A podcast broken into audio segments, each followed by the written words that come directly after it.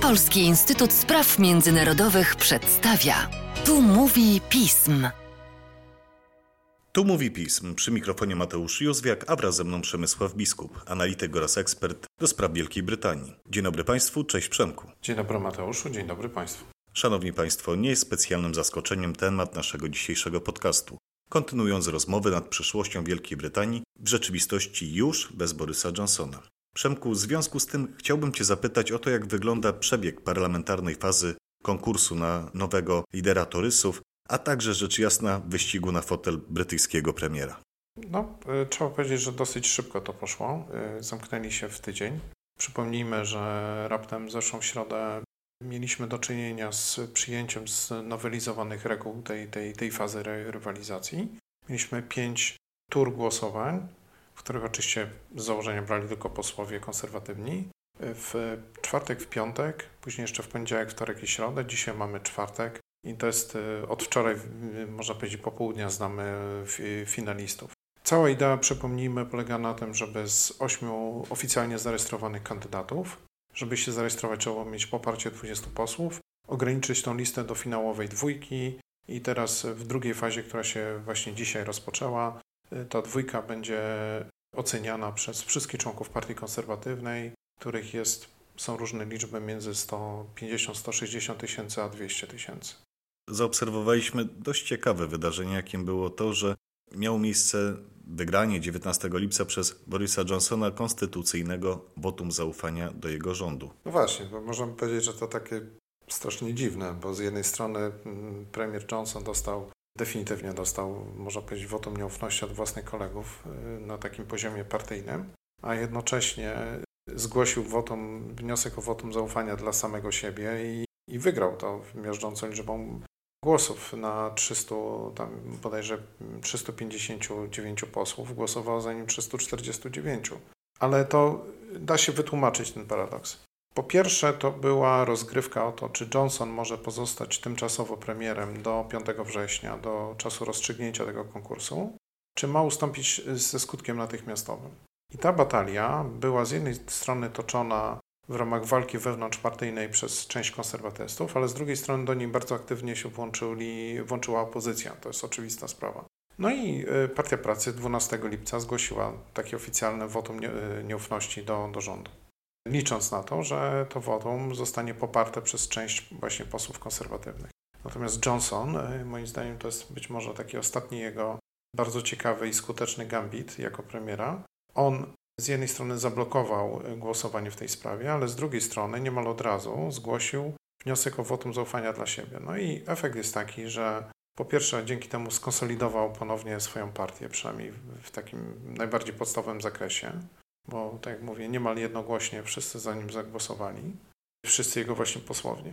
Po drugie, zademonstrował ciągle przewagę rządu nad opozycją. Po trzecie, miał y, dzięki temu okazję wziąć udział w y, bardzo takiej rozbudowanej debacie, gdzie zarówno on sam w bardzo taki rozbudowany sposób, jak i ciągle liczni jego, można powiedzieć, bezpośredni współpracownicy, jego zwolennicy, jego własna frakcja w ramach Partii Konserwatywnej bronili jego dorobku.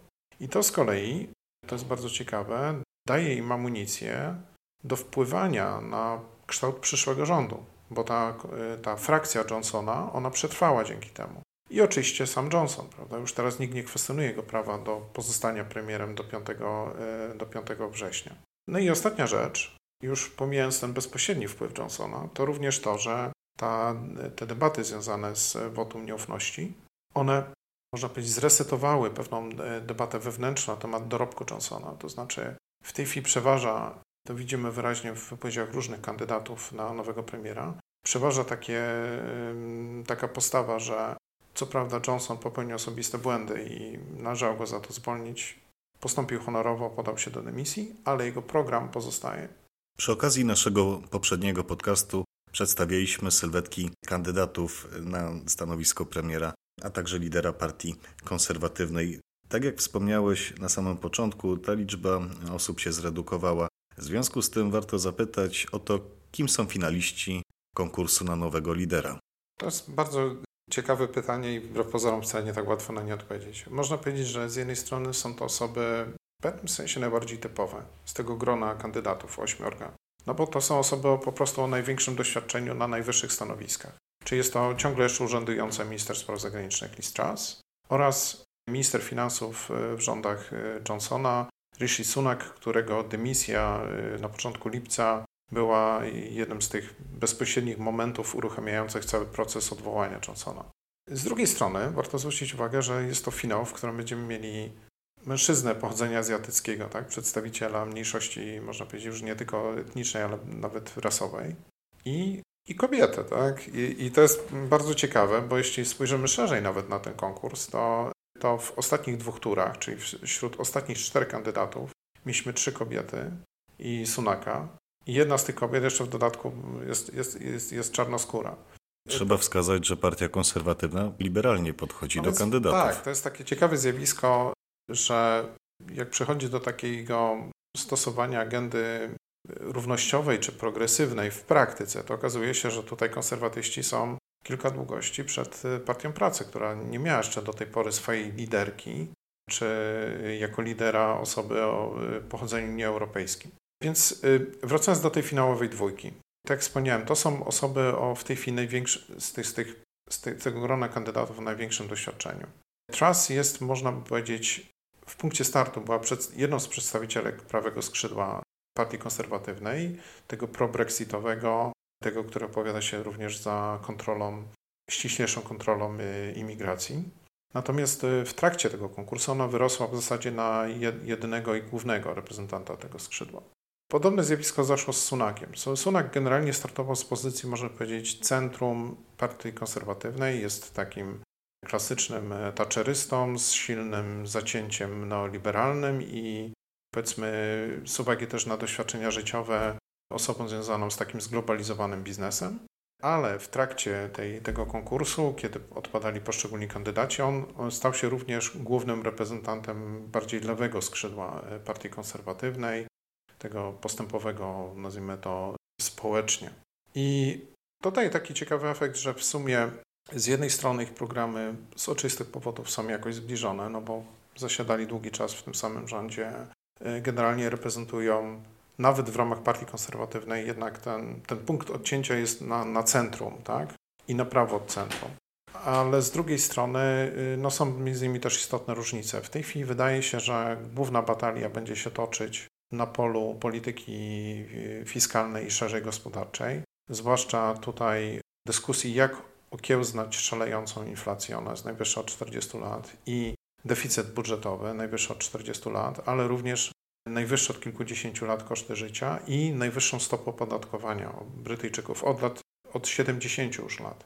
Więc recepta TRAS to jest zacisnąć zęby, ciągle kontynuować pożyczanie, y, generowanie długu, ale dzięki temu obciąć podatki i liczyć, że jak wystartuje wzrost gospodarczy, to dzięki temu zwiększonemu wolumenowi e, przepływów e, podatkowych będzie można zacząć spłacać należności. Podejście Sunaka jest dokładnie odwrotne, to znaczy tniemy wydatki, podwyższamy podatki i w ten sposób redukujemy deficyt i poprzez redukcję deficytu e, redukujemy również dług publiczny i okiełznujemy inflację. Oczywiście są blaski cienie tych podejść. Moim zdaniem podejście Sunaka jest wiarygodniejsze pod względem takim czysto ekonomiczno-finansowym. Problem z nim jest e, taki, że to jest powtórka pod wieloma względami podejścia kanclerza George'a Osborna z 2010 roku. To jest polityka, która skończy się przerzuceniem bardzo wielu kosztów obecnego kryzysu na ludność e, raczej biedniejszą niż bogatszą. A pamiętajmy, że od 2016 roku bardzo zmieniła się baza wyborcza Partii Konserwatywnej. To właśnie dostrzega Truss i on argumentuje, że to jest uderzenie właściwie w nowych wyborców Partii Konserwatywnej. No i myślę, że jak wspomniałem o Zborna, to warto powiedzieć, że jego polityka była jednym z, z generatorów wrogich wobec Unii Europejskiej postaw społecznych i w zasadzie on był naprawdę jedną z osób odpowiedzialnych za Brexit w tym sensie. Więc to y, przypuszczalnie ten, ten, ta, ta recepta, którą proponuje y, Sunak, też nie jest do końca y, optymalna.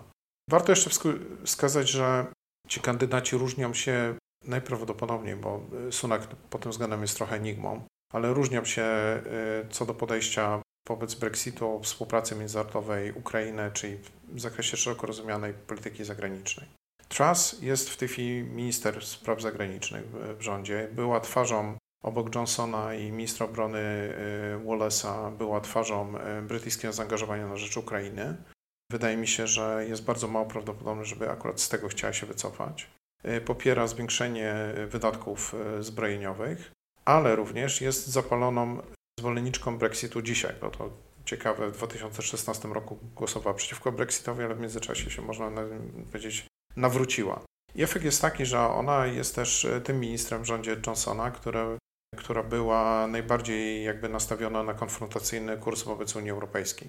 Więc to Polskę czy inne państwa Unii Europejskiej stawia w pewnego rodzaju dylemacie, prawda, co do możliwości współpracy z nią.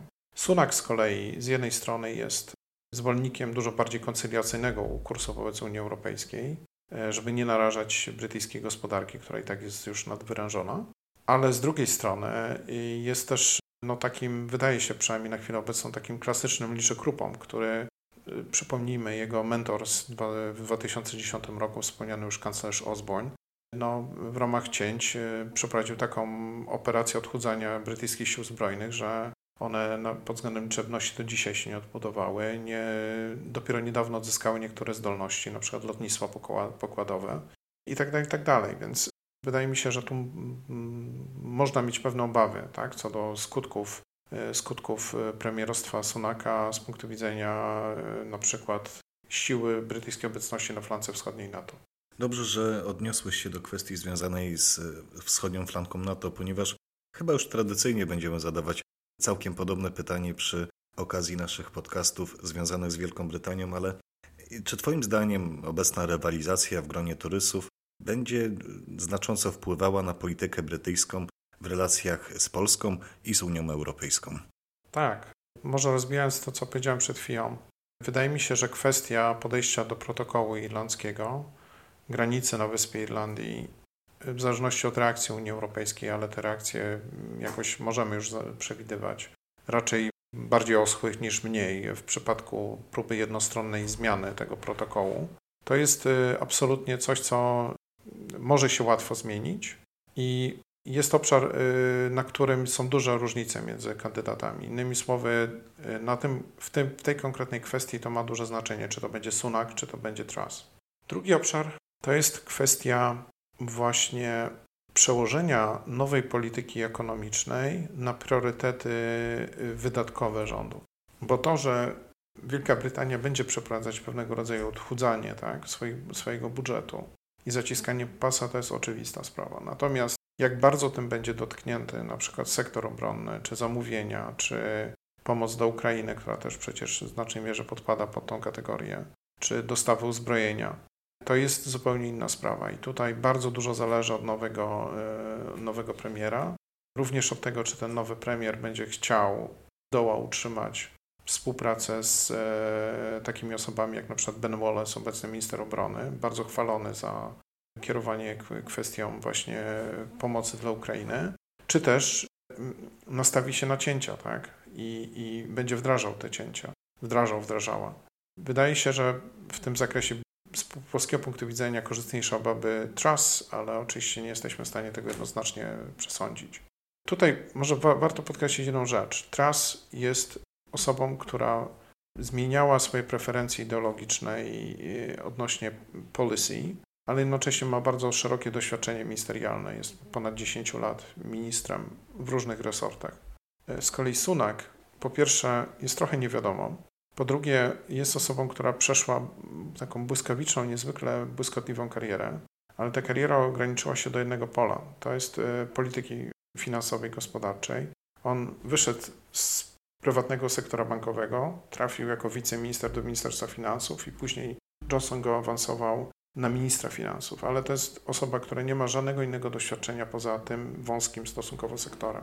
I wydaje mi się, że można sobie zadawać pytanie, jak, jak, jak, jaka będzie polityka zagraniczna, jaka będzie polityka bezpieczeństwa, polityka obrony Sunaka. W jego otoczeniu dominują ludzie y, również wcześniej zajmujący się polityką finansową, polityką gospodarczą, establishment konserwatywny związany z obroną czy z e, polityką zagraniczną koncentruje się raczej wokół, wokół tras. No cóż, jak widać sytuacja jest na razie bardzo niepewna i jest wiele pytań, na które trzeba będzie znaleźć odpowiedź A gdy tylko będą się zbliżać okazje ku temu, z pewnością będziemy o tym mówić przy okazji naszych podcastów. Przemku, chciałbym Ci podziękować za dzisiejszy odcinek. Dziękuję bardzo i dziękuję Państwu. A Państwa zaś zachęcam do śledzenia naszej strony internetowej, czytania najnowszych biletonów i komentarzy, śledzenia mediów społecznościowych, także naszego kanału na YouTubie. Z mojej strony to wszystko. Dziękuję za uwagę i cóż, do usłyszenia.